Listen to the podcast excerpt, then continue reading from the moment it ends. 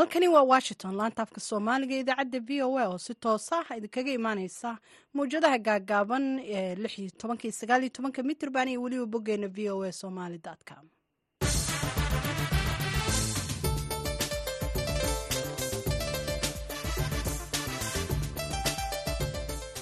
Subax wanaagsan dhegeystayaal waa aroornimo talaada ah toddobiyo labaatanka bisha februaayo sanadka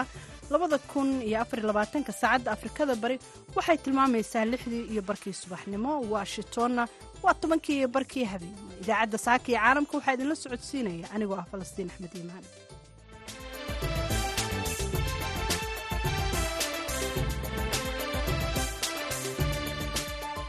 Qodobada aanu idinkugu haynay idaacaddeenna saakana waxaa ka mida kismaayo oo lagu soo gebagabeeyey shir lagaga hadlayay horumarinta garsoorka soomaaliya intii aanu joognay shirka marka laga tago howlahaanu qabannay waxaa ka mid ahaa inaannu kormeerno oonu u koorgallo xaaladda iyo duruufaha uu ku sugan yahay garsoorka jubbaland.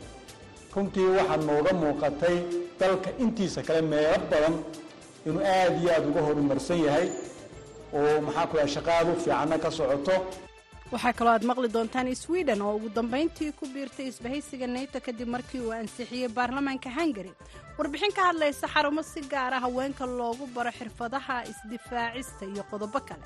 Marka horese ku soo dhowaada warkii caalamka.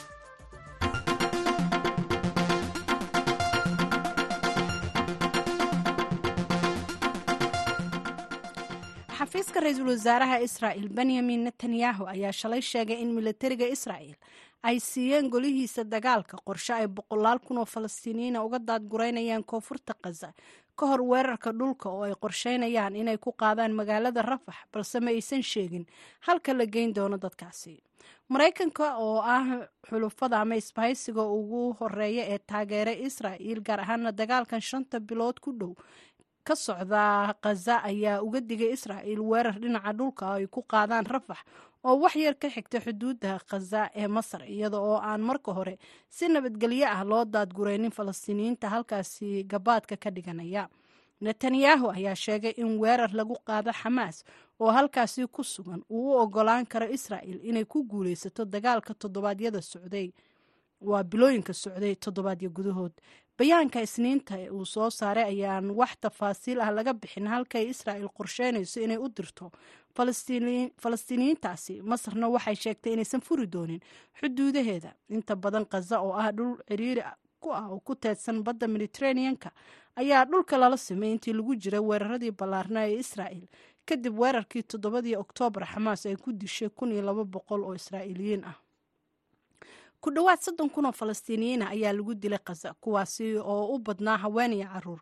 Sida ay sheegtay wasaaradda caafimaadka ee khaza israa'il waxay sheegtay inay dishay laba iyo toban kun oo dagaalyahanada xamaas ah. Xogayaha guud ee qaramada midoobey antonio guteres ayaa isniintii sheegay in gargaarka bini-aadanimo ee khaza ay weli tahay mid gebi ahaanba aan ku filnayn dadka iyo in weerarada israa'il ee rafax ay si weyn u waxyeelayn doonaan dadaaladaasi madaxweynaha faransiiska emmanuel macron ayaa shir jaraa-id oo uu qabtay isniintii shalay kadib markii uu martigeliyey kulan uu la qaatay labaatan hogaamiye oo reer galbeed ah si uu taageero ugu muujiyo ukrain halkaasoo dagaalka ruushka uu hadda marayo sannadkii saddexaad.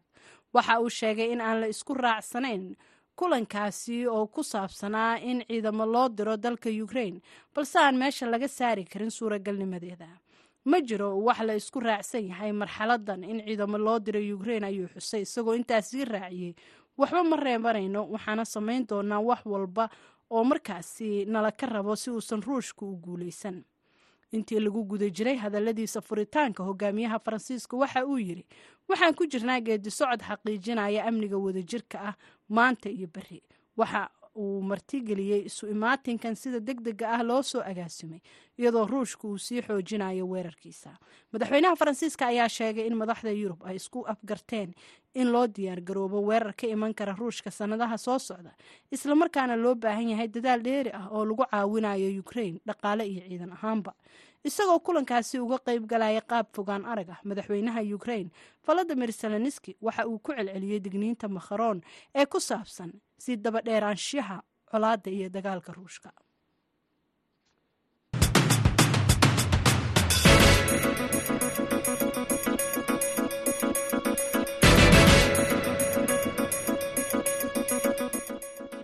Halkaad nagala socotaana waa v o a washington waxaa magaalada kismaayo lagu soo gebagabeeyey shir lagaga hadlayo horumarinta garsoorka soomaaliya kaasi oo ay ka soo qayb galeen garsooryaal ka kala socday dowlad goboleedyada iyo weliba gudoomiyaha maxkamadda sare ee soomaaliya.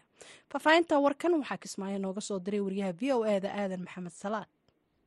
Shirkan oo labadii maalmood ee u dambeysay ka soconaya magaalada kismaayo ayaa waxaa ka qayb galayay inta badan garsoorayaasha dowlad goboleedyada xubinta ka ah dowladda federaalk ee soomaaliya iyo sidoo kale guddoomiyaha maxkamadda sare ee soomaaliya.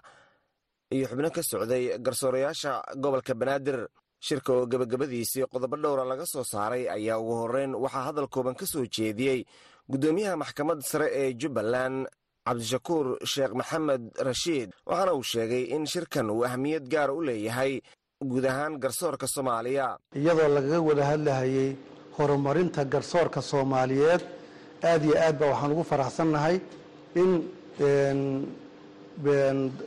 raggaa sare ama hogaamintaa sare ee garsoorka ee halkan nooguna timid oo gurigoodii ah aad iyo aad baan horta noo farxa gelinaysaa oo kadibna dhammaan wixii horumar ahaa ee garsoorka loo baahnaa ama qorshayn ahaa ama muxuu ahaa ay u baahnaayeen u baahnaa garsoorku in laga wada hadlay kullina laysku wada waafaqay sida communikega lagu sheegay. Si gaar ahana waxaan ugu mahad celinaya dhammaan ka soo qaybgalayaasha. Baashi yuusuf axmed oo ah guddoomiyaha maxkamadda sare ee soomaaliya ayaa dhankiisa bogaadiyey howsha adag ee garsoorayaasha soomaaliya ay hayaan isagoona si gaara u bogaadiyey garsoorka jubbaland oo uu tilmaamay in ay hayaan howl adag markii ay eegeen ama ay soo kormeereen qaybaha kala duwan ee uu ka kooban yahay iyo waxyaabaha ay qabtaan waxaa kaloo rabaa inaan uga mahad celiyo sida aada iyo aadka u quruxda badan ee bilan ee abaabulan ay u martigeliyeen una qabteen shirkan oo si guulleh runtii inoogu soo dhammaaday. Waxaa kaloon rabaa iyadana inaan bogaadiyo garsoorka jubbaland runtii horumarka ka muuqda. Intii aanu joognay shirka marka laga tago howlahaanu qabanay waxaa ka mid ahaa inaanu kormeerno oonu u koorgallo xaaladda iyo duruufaha uu ku sugan yahay garsoorka jubbaland. Runtii waxaa nooga muuqatay dalka intiisa kale meelo badan inuu aada iyo aada uga horumarsan yahay oo maxaa ku yahay shaqaadu fiicanna ka socoto. Gebagabadii waxaa warmurtiyeedkii ka soo baxay shirkaasi warbaahinta u akhriyey xeerlaalyaha guud ee jubbaland maxamed khaliif waxaana uu faahfaahinayaa qodobadii ka soo baxay shirkaasi.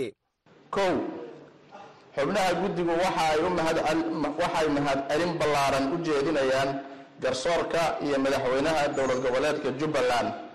Sida milgaha leh ee ay gogasha shirka ugu fidiyeen iyo soo dhoweyntii mugga lahayd ee muddadii shirku socday ay u fidiyeen xubnaha guddiga sare.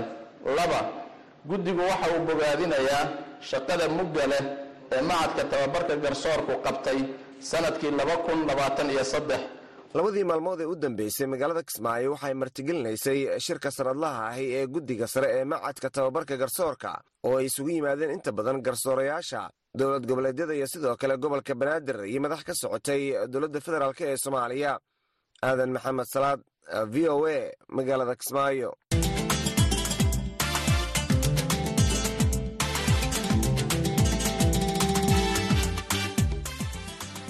dalka sweden ayaa si rasmi a ugu biiray isbahaysiga nato kadib markii ay ansixiyeen baarlamaanka dalka hungari oo ahaa dalkii ugu dambeeyey ee ka tirsan isbahaysiga nato ee ogolaaday in sweden ay ku biirto isbahaysigaasi. Haddaba maxay sweden uga dhigan tahay inay ku biirto isbahaysiga nato? Warbixin amuurtan ku saabsan. Waxaa inoo haya wariyaha v o eda ee qaaradda yurub cabdixaafid cawil ismaaciil labadii dagaal ee waaweynaa ee adduunka sweden waxa ay ahayd dhexdhexaad si cad cidna ulama ay safan.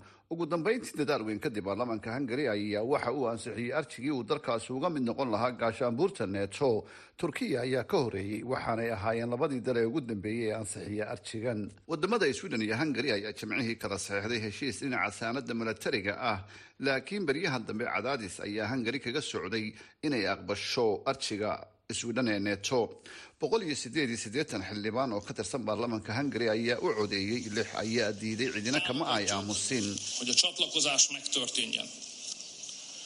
Hadalladaas aad maqlayseen waa ra'iisul wasaaraha hungari oo ka hadlay muhiimadda xulifada neto soona dhoweeyey sweden inkasta oo buu yidhi ay jiraan waxyaaba ay stockholm ku kala aragti duwan yihiin. Madaxda sweden iyo hungari ayaa sheegay in kubiiritaanka waddamada finland iyo sweden ee neto ay tahay guul arrinkii uu ka hortegayay madaxweynaha ruushku markii uu weeraray ukraine ee is-hortaaga in gaashaanbuurta neeto ballaarato.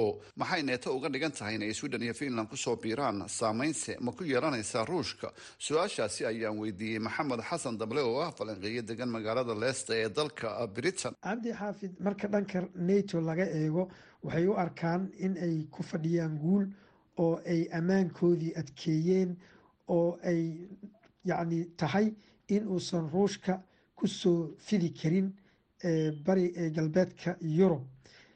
Dhanka kale marka laga eego ruushka wuxuu u arkaa in mataqaanaa uu adkeeyo isagana ammaankiisa in ukraine iyo georgia oo kale labadaa oo uu u arko aag yacni u ah saameynta ruushka u gaar in mataqaanaa ay lama taabtaan tahay waana kii georgia weeraray labada kun iyo sideedii markii madaxweyne bush uu ukraine iyo georgiaba uu ku soo casumay inay ku soo biiraan nato.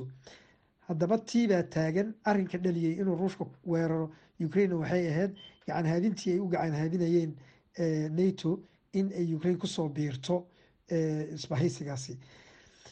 Dhanka kale labada dhinacba waxyeelay u geysanaysaa sababtoo ah waxaa dib u soo noqday dagaalkii qaboobaa ee baaba-ay kun iyo sagaal boqol iyo kow iyo sagaashankii dhaliyeyna darbigii u kala dhexeeyey baarliinta bari iyo baarliinta galbeed inuu dumo. Waxaa suuragala in derbiye noocaas oo kale dhismahooda ay dib u soo noqdaan in la ishor fadhiyo waana arinta ugu khatarta badan oo ah quwado nuclear leh in ay mataqaanaay afar iyo labaatan saac waardiye iska ahaadaan. Dhinaca kale maxay uga dhigan tahay sweden inay ku soo biirto gaashaanbuurta neto? Su'aashaasi ayaan weydiiyey axmed cabdulaahi maxamed axmed kaboole oo ka faalooda arrimaha amniga. Degana dalka sweden waad mahadsan tahay ku-biiritaanka sweden ee ururka nato. Waxay kor u qaadaysaa runtii ammaanka sweden inay kor loo qaaday ayay ka dhigan tahay. Iyadoo la marayo difaac wada jira waxay sidoo kaleeto kor u qaadaysaa iskaashiga diblomaasiyad iyo military islamarkaana waxay access sweden u helaysaa awoodaha nato waxay u suurtagelinaysaa runtii ku-biiritaanka nato in laga hortago khataraha dibadda uga imaan kara sweden tilaabadan runtii dhanka kaleeto waxay aada u xumeynaysaa xiriirka ka dhexeeya sweden iyo iyo russia taa beddelkeedana waxay aada u xoojinaysaa ammaanka dhaqdhaqaaqa amniga gobolka ee bad baltic sea ay ay kor u qaadaysaa badda baltiga.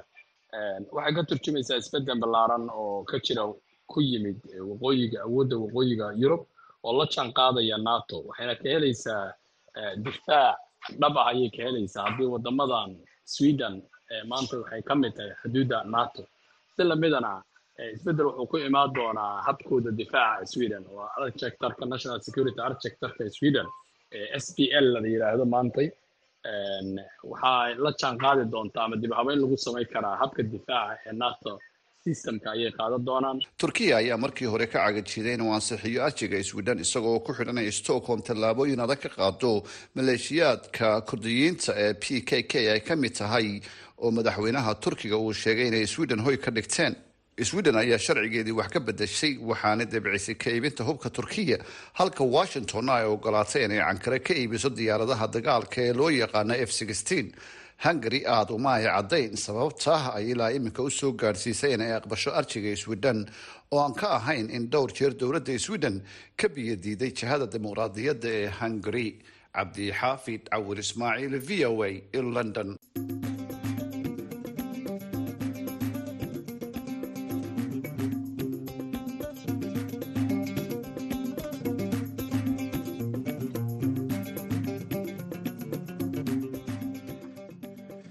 nagala socotaana waa v o a washington.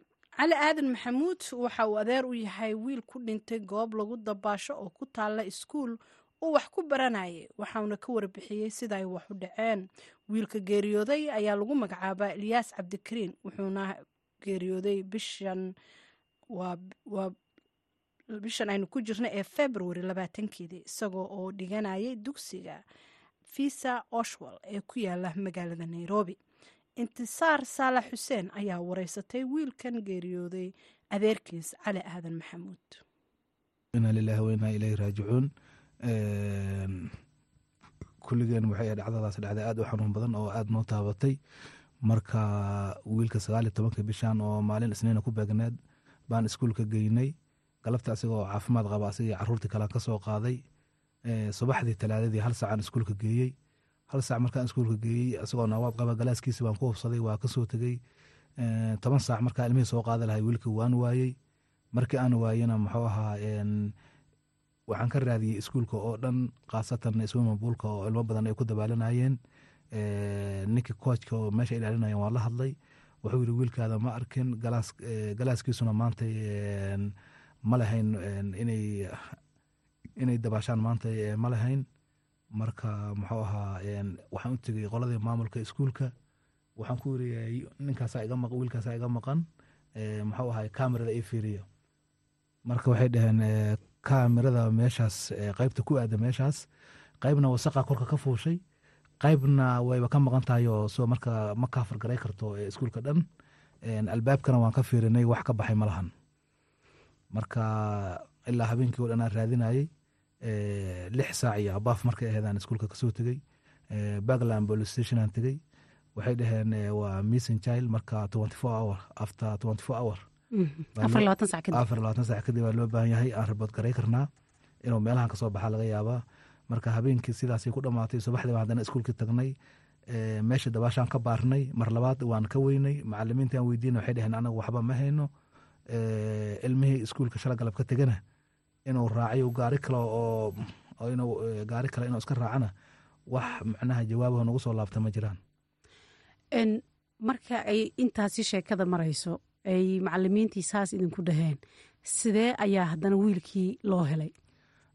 Waxaa ka horeysa markaas waxaan wacnay qolada muxuu ahay aad aad iyo aad noo saaciday kheyr allaha siiyo sidii business community kuwaasaa noo yimideen. Xildhibaanadan wacnay adiga mar waa naga soo daahin laakiin mar dambe waxaa noo yimid m c a gasliya noo yimid ninka la yiraha dabar. Marka bagland police station aan tagnay qolada caruurtaan ka report garaynay kabacdina waxaan tagnay qaybta d c i. D c i waxay nagu dhaheen marka inta statementida aan qoraynay waxaa la gaaray lix saac iyo bar. Lix saac iyo bar marka la gaaray marka waxay dhaheen dad baanu u diraynaa iskuulka meeshiina fadhiya jawaab baad helaysiinin. Marka toddoba saac markay ahayd qolada iskuulka loo diray waana soo waceen waxay dhaheen wiilkii meeshaana laga helay. Qolada iskuulkana waxay leeyihiin shan saacan ka soo bixinay muxuu ahay biyaha. Marka shan saac haddii ka soo bixiyeen toddoba saac la joogo waana soo wici kareen kama soo bixin. Wiilka meel baa lagu qariyey. In meel lagu qariyey sidee ku ogaateen? Markaa meesha tagnaa dharkiisa ma qoynayn wax biyo ku daha uma ekayn. Dhakhtarkii baarana wuu cadeeyey wuxuu yiri afartan daqiiqo ilaa saddex sac kama badnaan karta ninka intuu biyaha ku jira ilyaas ma waxaa la waayey intii ay waxbarashada ilmaha ku guda jireen oo aan galaaska laga soo bixin. Mise waxaa la waayey markii ilmaha la soo daynayey ay u socdeen guryahooda. Arintaasina macalinkiisa gaarka ah ma weydiiseen inuu galaaska joogay inuu ka maqnaa.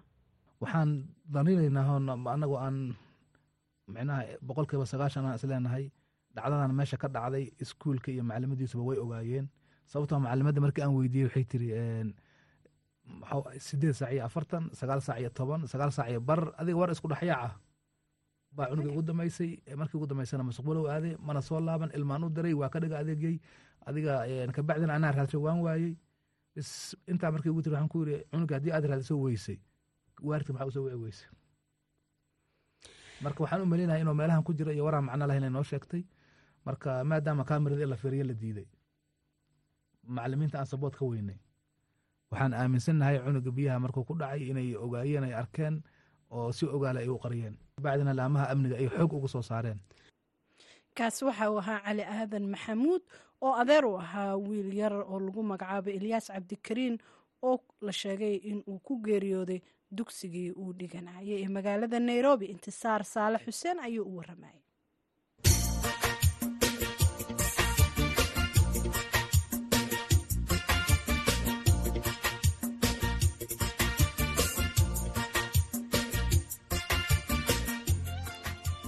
magaalada hargeysa waxaa ku taalla goob gabdhaha lagu baro xirfadaha kala duwan ee isdifaacidda gabdhaha tababarkan ka qaybgalaya ayaa sheegay inay tababaradan ay heleen ay kor u qaaday kalsoonidoodii halka ay dhinaca kalena ay ka heleen jimicsiyo kala duwan.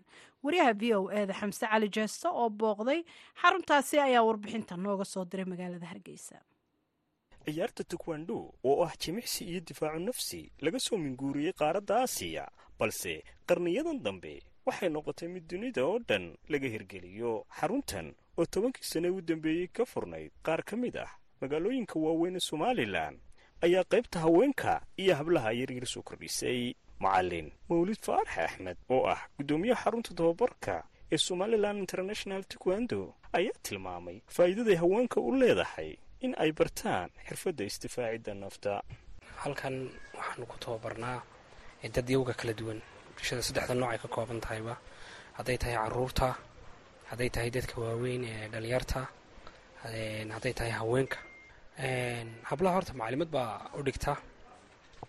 Marka habluhuna waxay ciyaaraan un tanay raggu bartaan laftarkooda oo ah takwandhada ayay bartaan. Faa'iidada ay u leedahay waxaa ka mid a in ay ka helaan dee jimicsigii waa caafimaad. Waayo waxay leedahay qeyb dee jimicsiya bay leedahay laba kalsoonidoodiioo sare u kacda. Qofta haweenkaahi waxaa la yidhahdaa waa dee hilib bisil baa la yidhahdaa marka. Dee hadday awd u baxdo wax kastaaba way heli karaan marka way u fiican tahay baan oran karaa hablahu inay bartaan ciyaartan. Haddii ay khatari ku timaado dee waxay samaynayaan inay naftoodii seef garayaan taasi waayo waxay u baranayaanba muhiimaddu saamiye siciid oo ah gabadh da'yar islamarkaana ku guda jirta barashada cilmiga tugwaandha ayaa sharaxaysa casharada ay ka baratay xaruntani iyo isbedelada ay samaysay. Tababarkeenu qaadana waxaa ka mid ah waxaana la baraa difaaca nafta tekwandoga boxinka inta waynu isku wada qaadana markaa stages bay leedahay. Imika muddo lix bilood waynu ku guda jirnay tababarka waynu qaadanaynay. Marka waxyaabaha aynu ka faa-idnay waxaa ka mid ah inaynu kalsoonidiina kor u qaado. Jidh ahaan aynu noqono qof furfuran fudud waxaa ku jirta qeyb ah qofka marka ugu horeysa in miisaankiisii lagaga ridayo oo jimicsigii looga bilaabayo cardio oo miisaan dhimista sameynaya. Qofkii waxaa sidoo kale lagu dhiirgelaya inuu cuntooyinkiisii saxo soo de marka ugu horeysa uu ahaado qof tababaran oo miisaankiisiina control yaqaana kadib tababarkiina loo gudagalo geesta kale roode cabdi oo ka mid ah hablaha barta jimicsiga tukwanda ayaa sheegtay in haweenku ay uga baahi badan yihiin ragga. Sidoo kalena waxay sheegtay waxtarka jidhisku uu leeyahay gaar ahaan haweenka. Darto anigu rood ahaan waxyaaba badan baan ka faa'iiday. Waxaa ka mid ah inaan kalsooni maanta luuqan doono magaalada aan ku maray anigoo sanka taagaya oo dee aaminsan hadday saddex iyo afar ba yihiin inaan keliga ka dhex bixi karayo. Badanka waxaa la idhahdaa dumarka soomaaliyeed ama hablaha soomaalidu markay jim ama wax tagaan. Yacni raggii bay halis gelinayaan. Annagu wixiina soo doonto mooyaane waxba ma doonano wixiina soo doontana dee waxaanu iskaga celin lahayn ayaanu baranaa. Jidhiska rag dumarba waa loo baahan yahay. Specially hadday noqoto dumarkaabaan anigu aaminsanan inay ragga uga baahi badan yihiin. Lianna waxyaabo badan baa gabadhii dumarka ahayd jirkeedii iska dabelaya markay ubad qaado markay ubad dasho marka waxaan kula talin lahaa inay ku soo biiraan ama baaxadda takwaandhaha ama jimicsiyadaba. Muddooyinkan dambe waxaa soo badanaya dadka iska xaadiriya goobaha lagu jimicsado sida goroommada lagu ciyaaro kubadaha kala duwan xarumaha jidhiska iyo goobaha lagu barto istifaacidda nafta xamse cali jeesto v o a hargeysa. Halkaad nagala socotaana waa v o a washington. Markana dhinacii heesaha inagoo gabagabadii idaacadda ku soo dhowaanayna halkaad nagala socotaana waa v o a washington. Markana ku soo dhowaada codka macaan ee banaxariistii jannaha ka waraabiyey muuse ismaaciil qalin leh heestii qalam jalam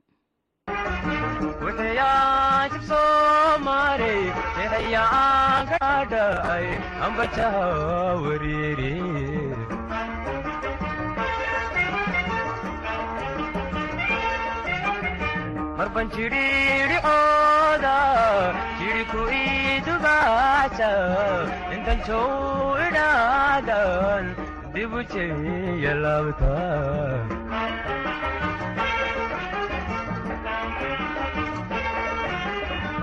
jidkan maranjeedaaliya anu jilcan yar jiibsada jidkan maranjeedaaliyaayo anu jilcan yar jiibsada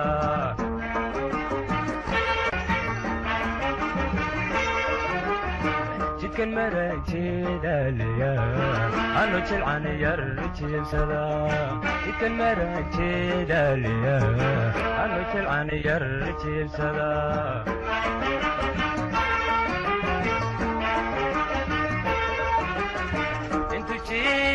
jiray haliistii hal jeleelkaygina miya jahaada laydhigi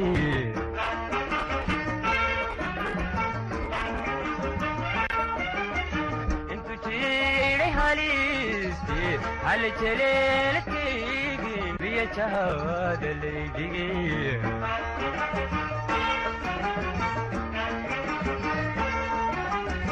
qalam jalam jalam qalam qalam jalam jalam qalam jacaylkuye soo ka jiirtayla kore jarka dacal ka igaalule asu jeetanigu yidhi qalam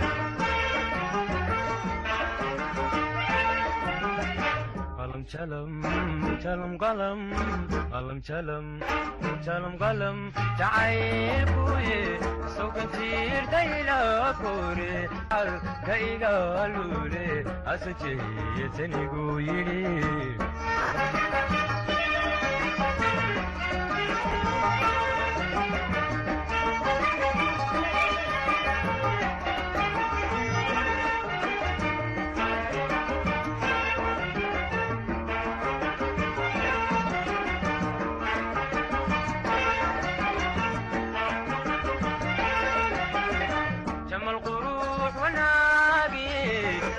جوهري اللولاي يد جهور دي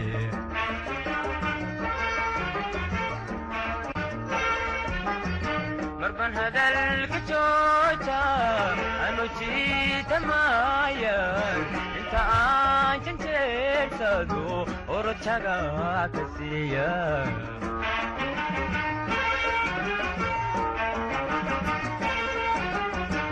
انت آجن جيرتادو ورتشاقا كسيا جمال قروح وناقي جوهري اللولاي يد جهور دي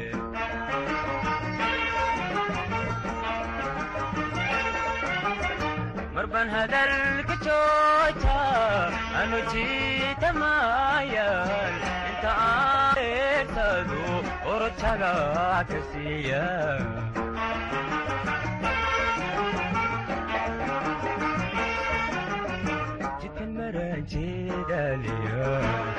jilcan yar jiibsada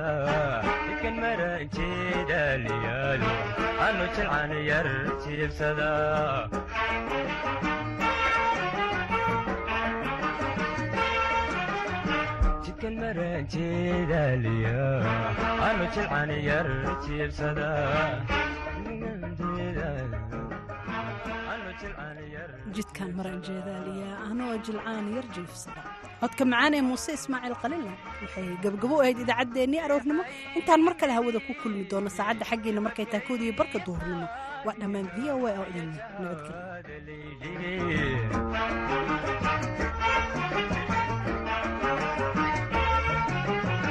jeexaygi